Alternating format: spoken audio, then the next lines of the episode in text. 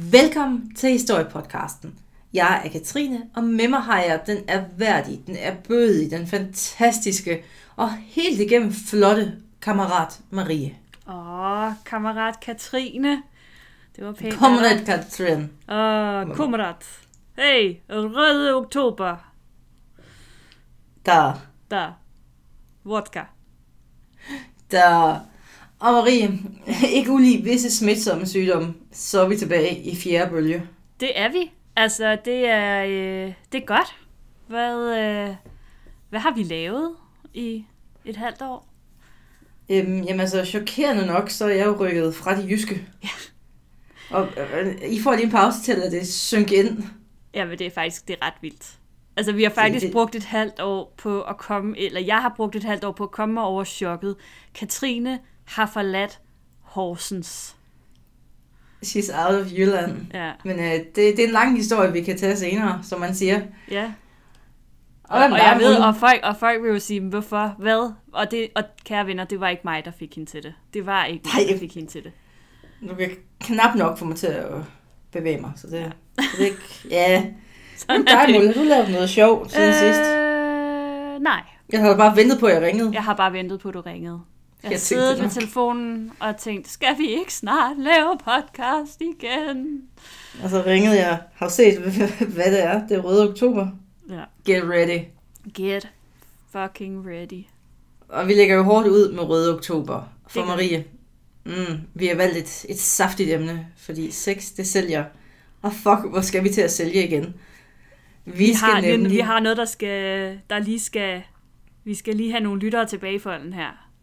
Lige præcis. For vi skal tale om, hvad Sovjetunionen betød for russernes sexliv. Og Selvfølgelig. lad os bare spøjle. Det var spændende. Altså, før revolutionen, lidt stille og roligt, lidt undertrykt, konservativt, og så går man til altså, rimelig hæftige swingerfester.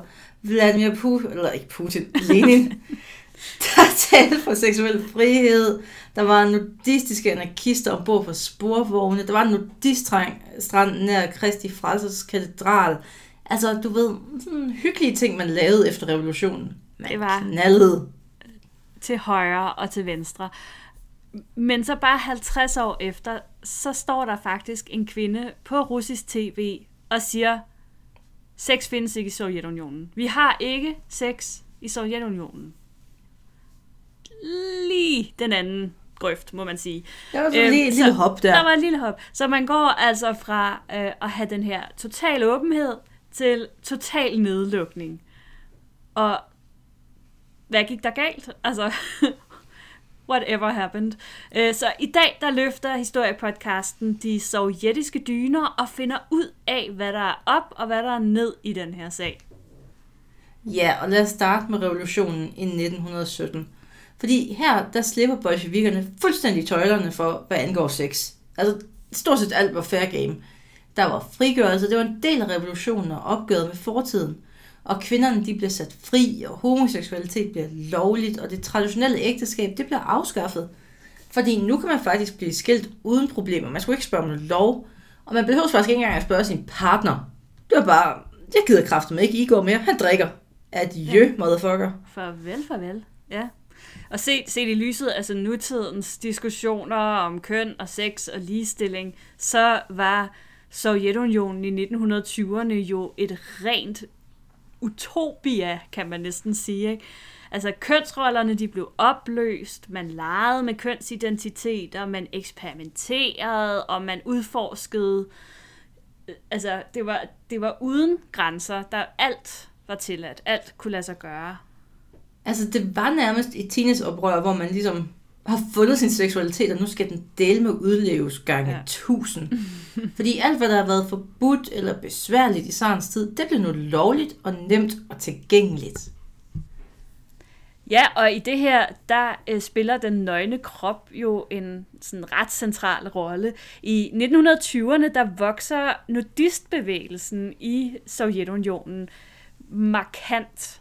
Og der er enorme marcher, som finder sted i Moskvas gader, hvor tusindvis af splitter nøgne mennesker, øh, de går ned ad gaderne og råber slagord som, vi har ikke brug for tøj. Det er et stærkt slagord. Øh, og, eller sådan noget, vi er børn af solen og luften. Ja. Ved vi, om de gjorde det om sommeren eller vinteren? For jeg synes, det er rimelig hardcore, hvis man er russisk nudist om vinteren. Jeg tænker, at de gjorde det om vinteren. Altså, det vil være typisk russisk. Altså, Jeg, de jeg er... synes måske bare, at det er sådan lidt sæsonbetonet visse steder i Rusland, hvor nudistisk man har lyst til at være. Altså, hvis ikke du kan være nudist i Sibirien om vinteren, så kan du lige så godt lade være.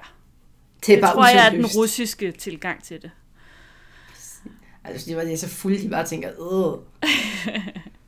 Men altså, det er jo ikke, fordi alle var med på den her nudistvogn. Fordi i begyndelsen, der vækkede nudisterne stor forarvelse i Moskva.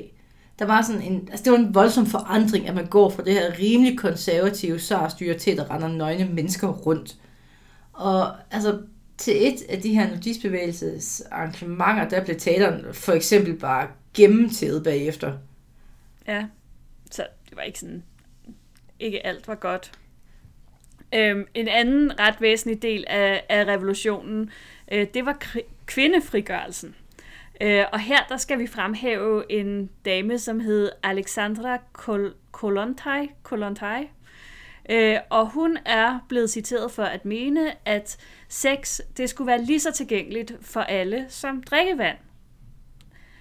Øhm, Jo, jo, når man tænker på i Rusland, at drikkevand var en, måske ikke var så tilgængeligt øh, i efterspillet af revolutionen nødvendigvis, fordi intet var tilgængeligt på det tidspunkt, 1806 åbenbart. Nej, så okay, så mere tilgængeligt end drikkevand måske. Men, men altså, det skal ret være, retfærdigvis siges, at øh, Kolontais øh, idéer, de gik altså videre end bare at handle om sex og drikkevand.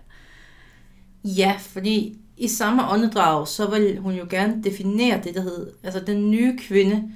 Fordi den nye kvinde, hun skulle være befriet fra ægteskabet og husarbejdet og børnepasning, fordi det fungerede, de her tre ting, som kvindeundertrykkende, altså bare undertrykkende i virkeligheden. Mm-hmm. Fordi igen, man går jo for et relativt konservativt samfund, og så siger det bare, Puh! og så er det helt nyt, og altså meget eksperimentelt også i forhold til resten af verden. Mm. Fordi at alle de her ting, altså ægteskab og husarbejde og børnepasning, måske ikke så meget ægteskab, men i hvert fald husarbejde og børnepasning, det var faktisk samfundets og statens opgaver nu. Altså staten skulle tage sig af børnene, de blev uddannet, altså inklusivt det seksuelle i øvrigt, og skabe en landsdækkende nærmest catering service, som skulle køre ud med mad til folk, så kvinderne ikke selv skulle stå for en kødgryderne, så kunne de komme ud til sådan en kollektiv køkken og skåle noget kål op i en skål og æde det. Altså, og kollektive boliger, så de ikke selv stod for rengøring og plejefamilier, som ikke kunne overskue børn og så videre. Mm. Fordi for, for Kollontai, der skulle kærligheden jo også frigøres, og civilt partnerskab, det skulle erstatte det traditionelle ægteskab. Ja. Fordi det så hun som en metode igen for at holde folk i de gamle roller, som Ja. afspejlede det her samfund, som revolutionen jo havde sprunget i luften. Fuldstændig sprung i luften, ja. Og nogle af de første dekreter, som sovjetstaten også udsendte, de handlede jo faktisk netop om det her med afskaffelsen af ægteskab øh, og indgåelse af civile ægteskaber. Altså man, man afskaffede vel egentlig sådan religion øh, generelt. Jamen det, det er jo Så, nemlig i den altså, her er jo tailgate af, Mm. ja, ja, at man ikke ville have, at folk de skulle bekende sig til kirken, og det der Mm. ægteskab, det var sådan en rimelig central ting, man skulle igennem. Mm-hmm. Så hvis man afskaffer ægteskabet, så får man ligesom kottet den navlestreng til kirken. Ja. Øhm, og øh, i den forbindelse, så blev det jo også lovligt at få abort. Altså, det er jo nok været nærmest det første sted i verden, eller sådan et eller andet, tænker jeg. Ja, meget tæt på, hvor det er lovligt i hvert fald. Ja, det var helt vildt. Øh, og som du også nævnte tidligere, så blev det også nemt at få skilsmisse. Altså, så det var jo altså, vildt øh, øh, fremsynet på mange måder. Øh, det, der er Jamen, altså, det er jo dag, ting, som man ikke er lige nogen- så øh, Det er jo først lige i dag, at man i Schweiz kan for eksempel, altså hvor man kan blive gift som homoseksuel. Ja, ja Det er var lige plus 100 år efter. Jamen altså, der er jo masser af lande rundt omkring i verden, hvor at abort øh, er ulovligt, og det, og det i lande som i øvrigt, sådan, altså USA for eksempel, øh, er der jo masser af steder, hvor det, er, hvor det ikke er lovligt at få abort. Men, øh, hvad hedder det, øh, jeg kommer bare sådan også til at tænke på, at hele den her frigørelse, som er her i, i Sovjetunionen i 1920'erne, den, den er vel egentlig sådan ret kendetegnende for, for meget af Europa sådan efter Første verdenskrig. Altså vi taler jo om de brølende 20'ere sådan generelt, ikke? hvor folk de bare slog sig løs og gik amok. Men jeg har alligevel Altså, det er jo en lidt fornemmelse anderledes af, at, i Rusland ja, på nogle punkter, fordi at alt det her seksuelle frigørelse, den foregår jo, altså vi skal hvis vi sætter 1917 som et pejlemærke, mm-hmm. så er Rusland jo stadig midt i Første Verdenskrig, altså lige inden de trækker sig ud. Ja. Men det vi glemmer, det her lige bagefter, eller faktisk under næsten, så følger der jo en blodig, blodig borgerkrig i kølvandet på den her Mhm. revolution. Og i den forbindelse, der får man jo kriminelle ud af fængslerne, og hjem fra fronten, der får man de her dybt traumatiserede soldater. Og det samme så render de rundt i gaderne, i stedet hvor centralmagten, den ikke rigtig er konsolideret endnu, hvis, den, altså, hvis man overhovedet har gjort sig tanker om det. Og altså, hvad, hvad kunne gå galt? Og svaret er en masse. rigtig meget kunne gå galt. Fordi man kan sige, at al den her frigørelse, den, den kom ikke helt uden konsekvenser. Og, og som du nævner, øh, var der altså en hel masse mennesker, der nu rendte rundt i Moskvas gader, som måske ikke helt havde styr på sig selv heller. Øhm, og i løbet af 1920'erne, der blev voldtægter en decideret epidemi, og det var måske især voldtægter også mod øhm, vil sige, tidligere adelige, de var jo måske stadig adelige, men man anså dem ikke for adelige. Øhm, men altså borgerskabet og, og overklassens kvinder, ikke? hvor at, at, at de her øhm, mænd fra proletariatet, de ligesom de synes, det var deres ret på en eller anden måde. De, det, var en, det var en straf, eller altså de retfærdiggjorde i hvert fald at voldtage de her kvinder, øh, og synes, at det var, det var deres ret. Øh, og med al den her øh, seksuelle omgang, om det så var, var frivilligt eller med tvang, øh, så begyndte kønssygdommen jo også at sprede sig med lynets hast. Øh, men i stedet for ligesom at forsøge at afhjælpe problemerne, så tilskyndede lovgivningen bare ligesom den her sådan rimelig afslappede holdning øh, og tilgang til, til sex. Øh, fordi man så det som en måde at bryde med fortiden på, og det var meget, meget vigtigt, tror jeg, ikke, for, for den her tidlige sovjetstat, at der, der, skulle, der skulle være en meget markant... Det var en meget Øh. håndgribelig hverdagsting, man Ja. kunne mærke forskel på fra Ja. før til nu. Ja. Jeg læste en undersøgelse, og man skal altid tage ting med grænsalt, Mm. men en undersøgelse, der påstod op mod en fjerdedel af russerne i årene efter revolutionen når at få en eller anden form for kønssygdom. Hold da op. Og det, altså det er værende klamydia, herpes, hele muligheden. Altså, Ja, ja, er ja. forskel, eller, jeg ved ikke, om de også talte infektioner med, men stadigvæk. Ja. Vildt. Det var meget. Er det meget? Og en anden konsekvens af sex, det er mange børn. Ja. Og det, altså man fik også et ganske øh, betragteligt boom. Fordi, altså, så, der var bare lige den her lille arbejderbøje, fordi afskaffelsen af ægteskabet og den her generelle frigørelse, det betyder så også, at man får skabt en generation af hjemløse og forældreløse børn. Og i 1923, der var halvdelen af de børn, der blev født i Moskva, undfanget uden for ægteskab. Og mange af de her børn, de bliver forladt af deres forældre. Der var selvfølgelig mange grunde til det. Blandt andet, at landet stod og altså kæmpe armod og Mm. alt muligt. Og så igen, hvis man ikke vil have barnet. Ja, Afsted med dig. det kan der være mange grunde til. Og så var der vel også sikkert et meget stort alkoholforbrug, tænker jeg, på det her Mm, tidspunkt. lige præcis. Så, så, ja.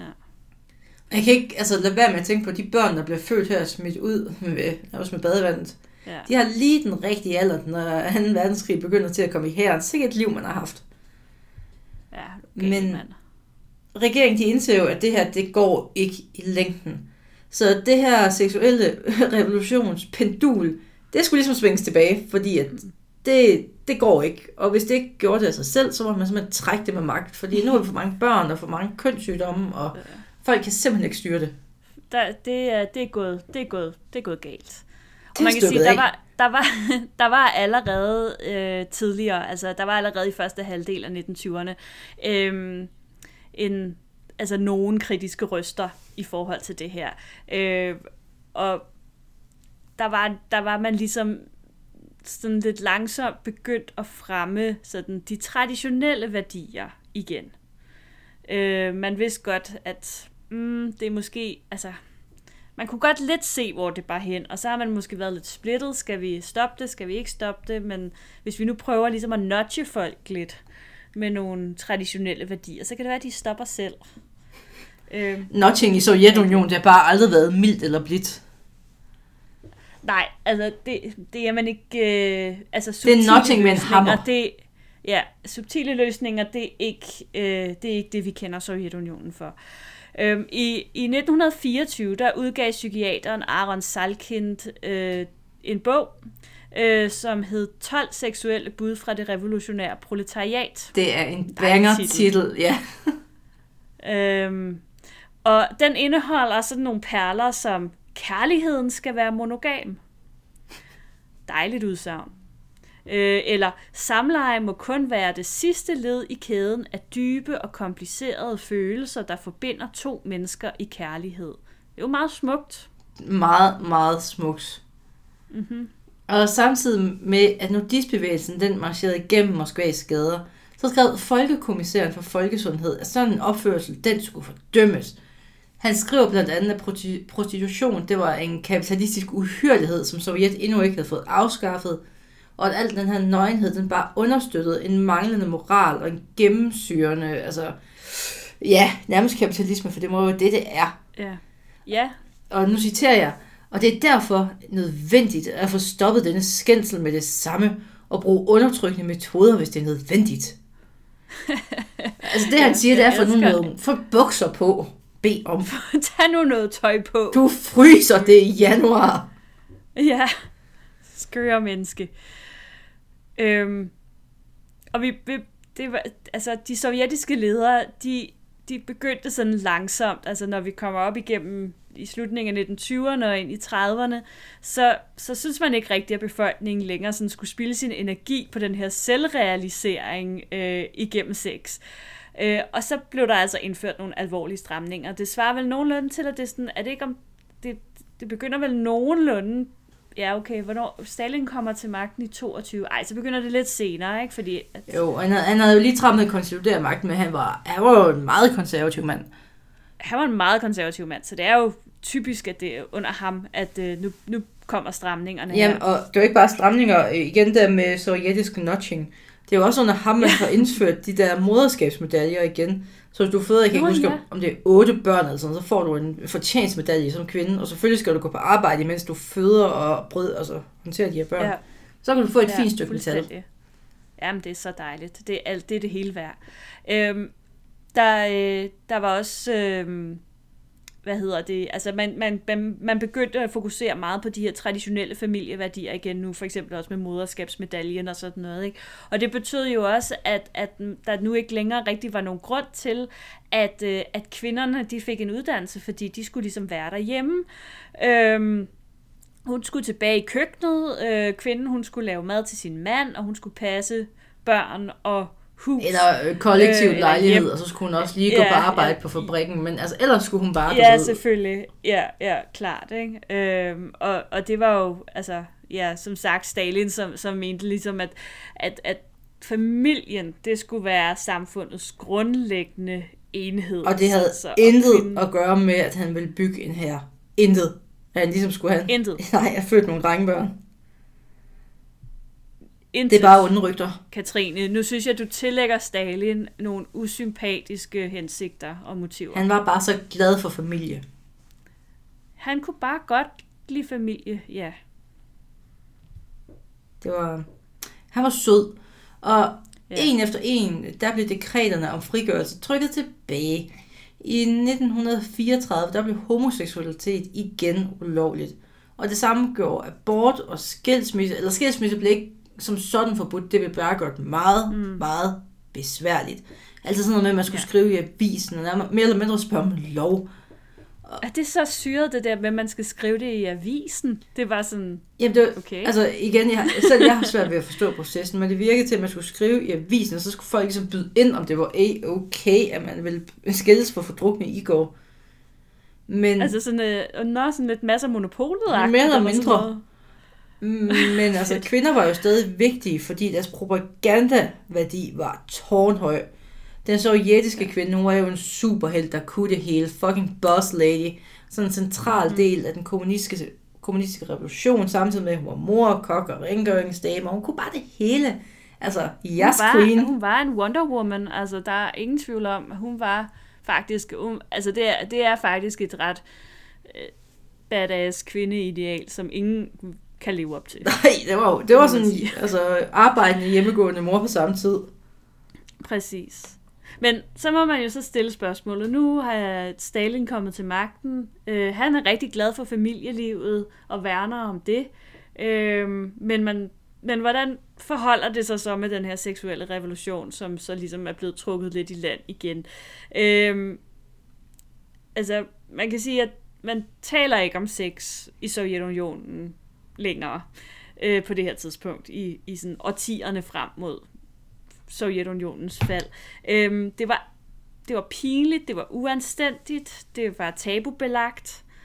Øhm, så det fandtes de facto ikke sådan i offentligheden i hvert fald. Men der var selvfølgelig masser af sex. Ja, der blev ved med at komme russer, så nogen havde sex på en eller anden måde.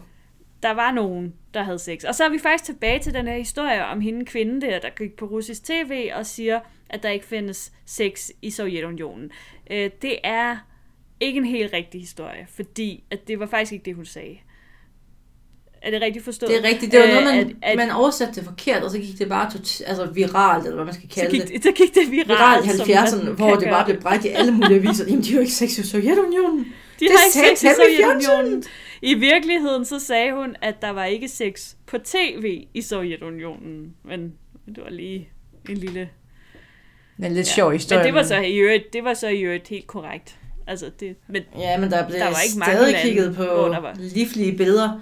Fordi pornografiske oh, yeah. stillbilleder, de var meget populære. De blev solgt i for eksempel yeah. tog, hvor folk de kommer op sådan... Jeg forestiller mig, de kom med sådan en cotton coat, og sådan prøvede yeah. at sælge nogle livlige billeder, og de havde sådan det sjove, sjove navn, de her sælger, det blev kaldt hvide russere. Og det, det er virkelig sjovt. Det var en eller anden... Jeg ved ikke, hvordan man har fundet på det, men øh, det var spændende. Men det var også altså dem, mm. Mm, ofte dem, der var portrætteret øh, afklædte. De var jo ofte blonde med høje kindben og lyse øjne. Sådan nogle dejlige blå nogen. Så, så det, var ikke, det var ikke, fordi de kom fra Hvide Rusland? Nej, det var bare fordi, at de tænkte, det var sådan nogle hvide russer. Sådan så de ud. Så ja. det var sådan nogle hvide russer, du ved. Sådan et pornobillede. Det minder mig lidt om den gang, hvor jeg var i, øh, jeg var i Moskva. Øhm, og øh, så skulle vi, øh, så, så nede på sådan en undergrundstation, så stod der sådan en hel masse sådan nogle sælgere, der solgte sådan nogle piratkopier af CD'er og DVD'er. Og jeg ville så købe øh, den første Harry Potter film, den var lige udkommet på DVD. Øhm, og, og det var, og det, og, sådan, og det kan godt være, at mit hoved har twistet det lidt, men jeg husker det bare sådan, eller det der med, at han står der i sådan en, en, en jakke, og så åbner han ligesom jakken, ikke? Og så sidder de der øh, piratfilm derinde, sådan i sådan nogle holder, inde i hans jakke, ikke? Og så foregik det sådan meget fordækt og alt muligt. Ja. Men det var præcis sådan, det foregik, og så kom der sådan en anden hen ja. sådan lige frem med albuen, og så, skal, skal have et billede, skal have et billede. Mm. Skal have et billede? Ja, lækkert, lækkert. Øhm, og de her, øh, de her billeder, pornografiske billeder, de kunne ligesom opdeles i to grupper. Øh, der var sådan en lidt en, en mindre gruppe, øh, som øh, bestod af genoptryk af udenlandske fotos, meget eksotisk. Øh, og så var der den meget store gruppe af, af hjemmelavede fotos. Det var magisk øh, at sidde og research det her, Marie. Ja, det kan jeg forestille mig. Sovjetisk porno. Det synes jeg, altså især fordi, især den næste del af det, hvor jeg tænker, der har du virkelig været grundig, grundig, øh, grundig i din øh, research, fordi øh, Katrine, hun bemærker nemlig, at øh, de her hjemmelavede fotos øh, stort set altid indeholder jernsenge, blondepuder og malerier af bjørne på væggen.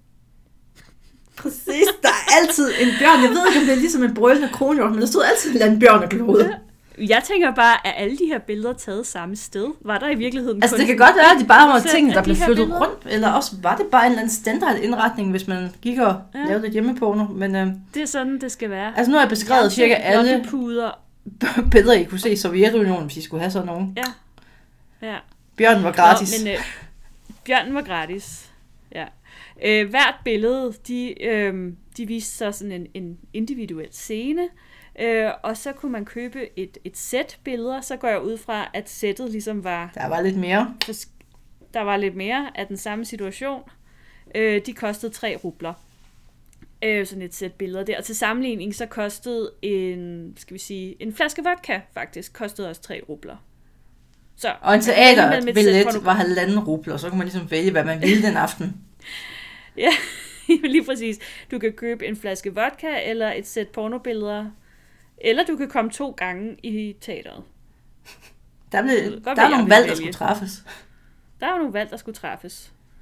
Øhm, der er også nogle gange, hvor at de her billeder de blev solgt som sådan spillekort, og det gjorde de vel for at ligesom skjule, hvad det egentlig var for noget, fordi så havde man så på den ene side, går jeg ud fra, det pornografiske billede, og på den anden side lignede de så et almindeligt spillekort, sådan med Lige hjerte og præcis. dame, eller spar, hvad ved jeg, knægt. Jeg ved ikke, hvad Det var meget vigtigt, at det skulle være et specifikt kort, ja.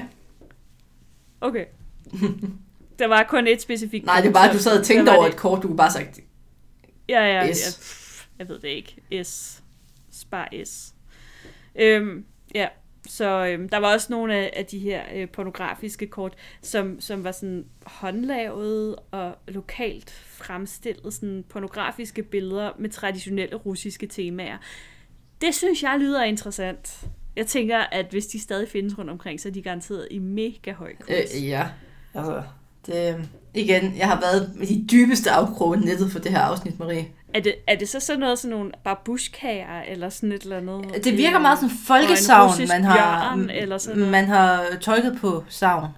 Ja. Det, det, Så er det den der bjørn igen, der kommer der i er altid en bjørn. Det er ikke russisk porno, hvis der ikke er en bjørn.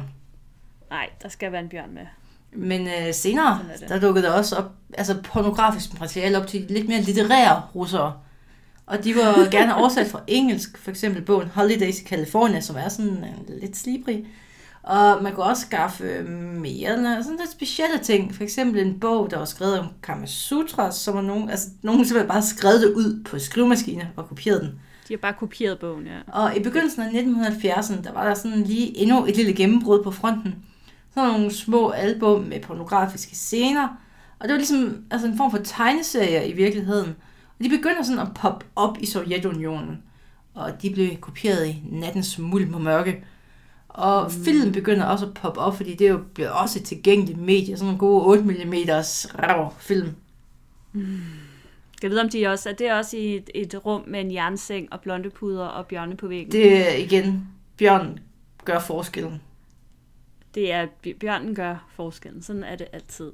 Øh, de her øh, film var faktisk primært udenlandske og øh, professionelt produceret.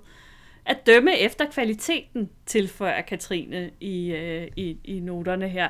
Og det synes jeg er interessant. Vil, vil du uddybe det, Katrine? Jeg værdsætter god produktionsteknik, Marie. Yes. Undskyld, at jeg værdsætter kvalitet. Ja, men det er så fint. Det, man, skal ikke, øh, man skal ikke vælge porno med dårlig kvalitet. Nej, det distraherer mig. Øhm, de her film, de blev hovedsageligt importeret fra Tyskland i øvrigt, øh, og øh, de var øh, de var egentlig stumfilm. Altså man behøver måske heller ikke så meget lyd for at forstå handlingen. Nej, jeg tænker faktisk, jeg tænker ikke det er rimelig selvforklarende handling. ofte, hvad der sker. Ja, ja, ikke?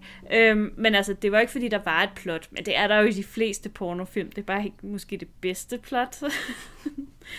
øhm, og Altså, der var, altså man Alle- prøvede at arbejde med historien, vil jeg sige. Men øh, hvad forsøgte? hvis man ikke... Øh, Man kunne jo ikke have en pizzabud, der kom, fordi det fandtes ikke Sovjet. nej, jeg tænker en eller anden rohakker, eller et eller andet. En, Ja, skal jeg hak din ro. trække din ro?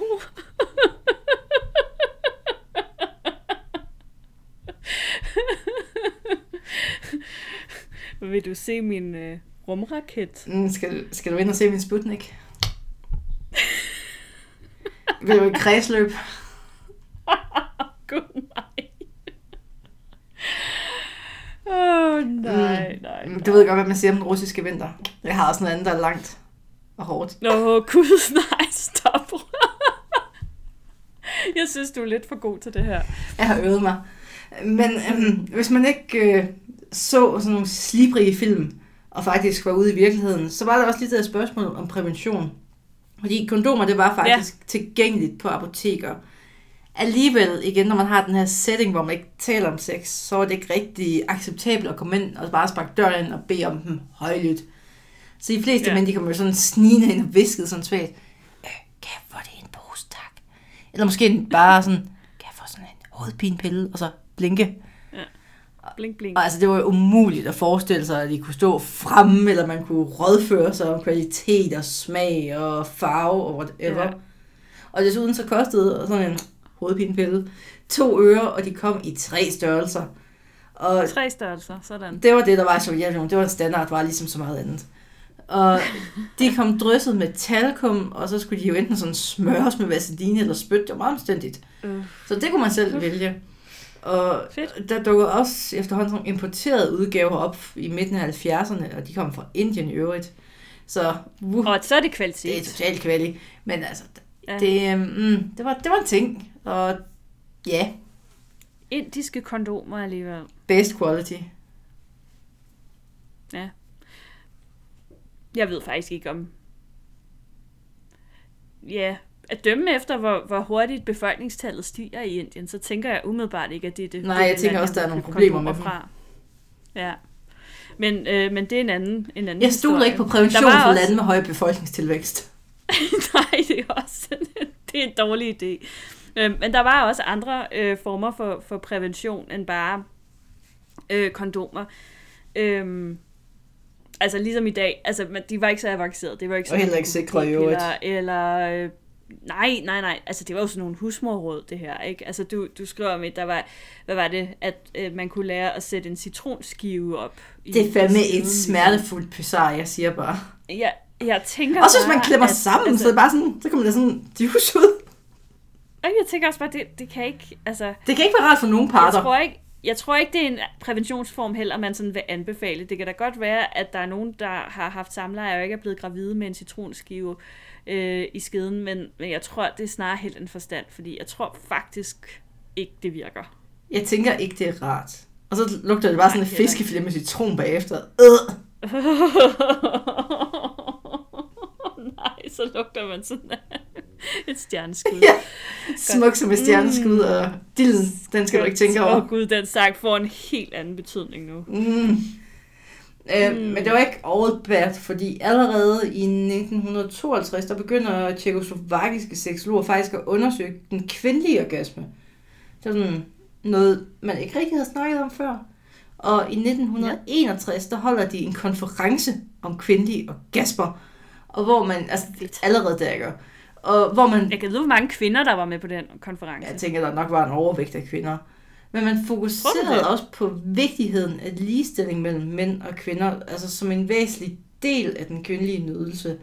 Og nogle de hævdede endda, at mænd de skulle dele husarbejdet, meget kontroversielt, og børneopdragelsen. For ellers, altså, det gjorde ikke noget godt for sexen, hvis der ikke ligesom var ligestilling på den front også. Nej, og det, altså, man kan jo sige, der er jo, der har man jo, man har jo lidt fat i noget, fordi noget af det, de også ligesom tog fat på, det var jo det her med, hvordan sociale og kulturelle forhold kunne have indflydelse på, på den seksuelle oplevelse. Øhm, og det var, det var på sin vis en Sovjetunionens svar på sådan noget work-life balance, øh, halløj, øh, fordi man fastslog, at, at hvis en kvinde, hun var stresset eller overanstrengt, eller sådan bare generelt bekymret for fremtiden, eller økonomien, eller et eller andet, jamen så, øh, så vil hun ikke kunne få orgasme. Hun tænker simpelthen for meget.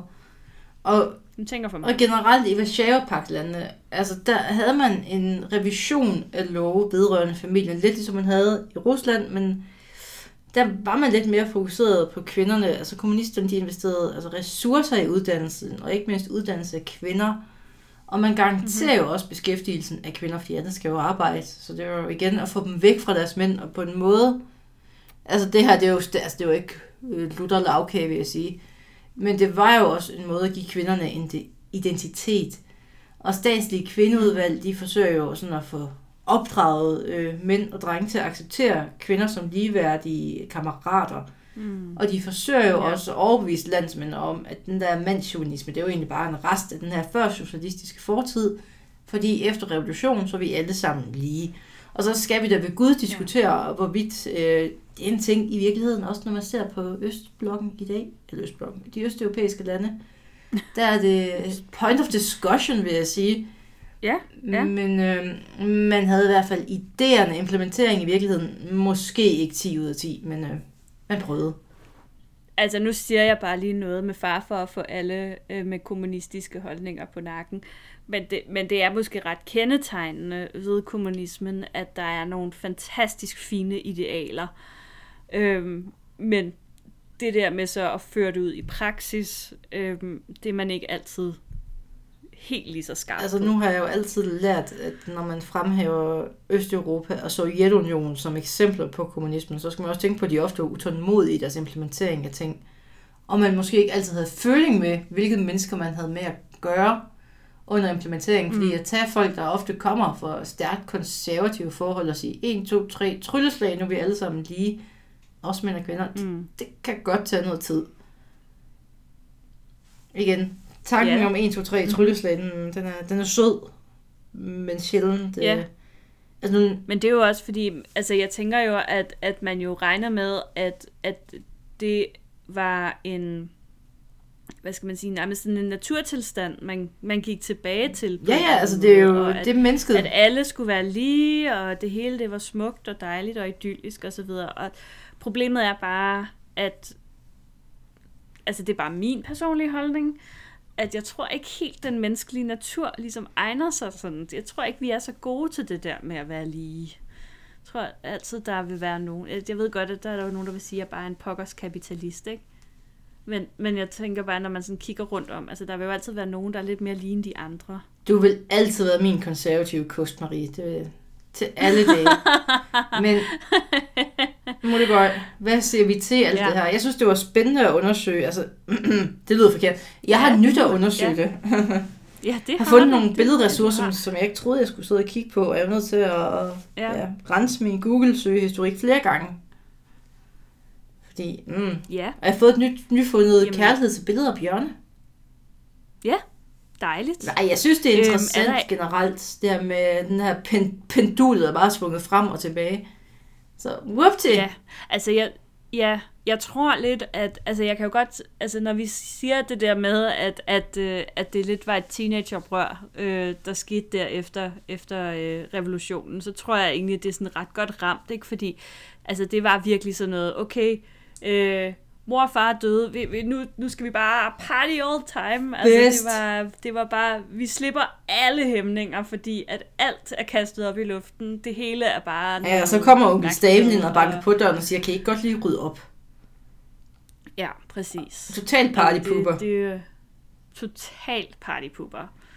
Øhm, og så jeg, jeg ved ikke, om, om det sådan var sådan en speciel sovjetisk ting, det her, hvor de bare gik amok i 20'erne, eller om der også var, altså, som jeg nævnte før, altså, der var jo helt klart nogle strømninger, altså, hvis du kigger på 1920'ernes Berlin, for Ja, eksempel, ja, der gik de også Altså, de var jo også fuldstændig... fuldstændig øh, bananas. Øh, og, øh, og, og der var nok sådan en generel... Øh, Der var altså igen, når man lige været igennem en traumatiserende Første krig. verdenskrig og sådan noget. Ja, ja.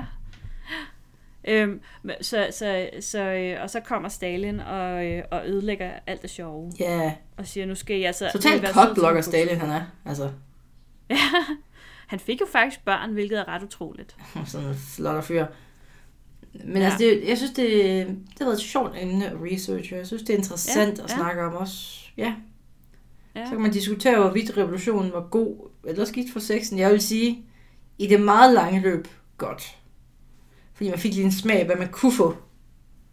Mm, Ja, Og så derefter, Ja. bam, tilbage i... ja. Ja, altså jeg, jeg vil jo sige, at, at efter, altså ja, kortvarigt godt, øh, og så har man ligesom glemt det lidt igen. Altså, fordi efter Sovjetunionens fald, så har jeg jo indtryk af, at de er blevet... Nej, der, har, der var vist nok, der var en kortvarig øh, vildskabsfase igen i 90'erne, ikke? Ja, ja, og hvor der kommer et Og boom det er jo igen det der måske, altså, ikke? Der har også altså, været et boom i prostitution i Rusland. Det var også noget af det, Putin han gik til valg på, ligesom at få Mm. styr på det også. Mm-hmm, mm-hmm. Fordi, ja, Ja. Mm, gode tider. Men øh, Gode tider. det, det, jeg synes, det er et sjovt øh, ambivalent forhold. Ja. de har til sex.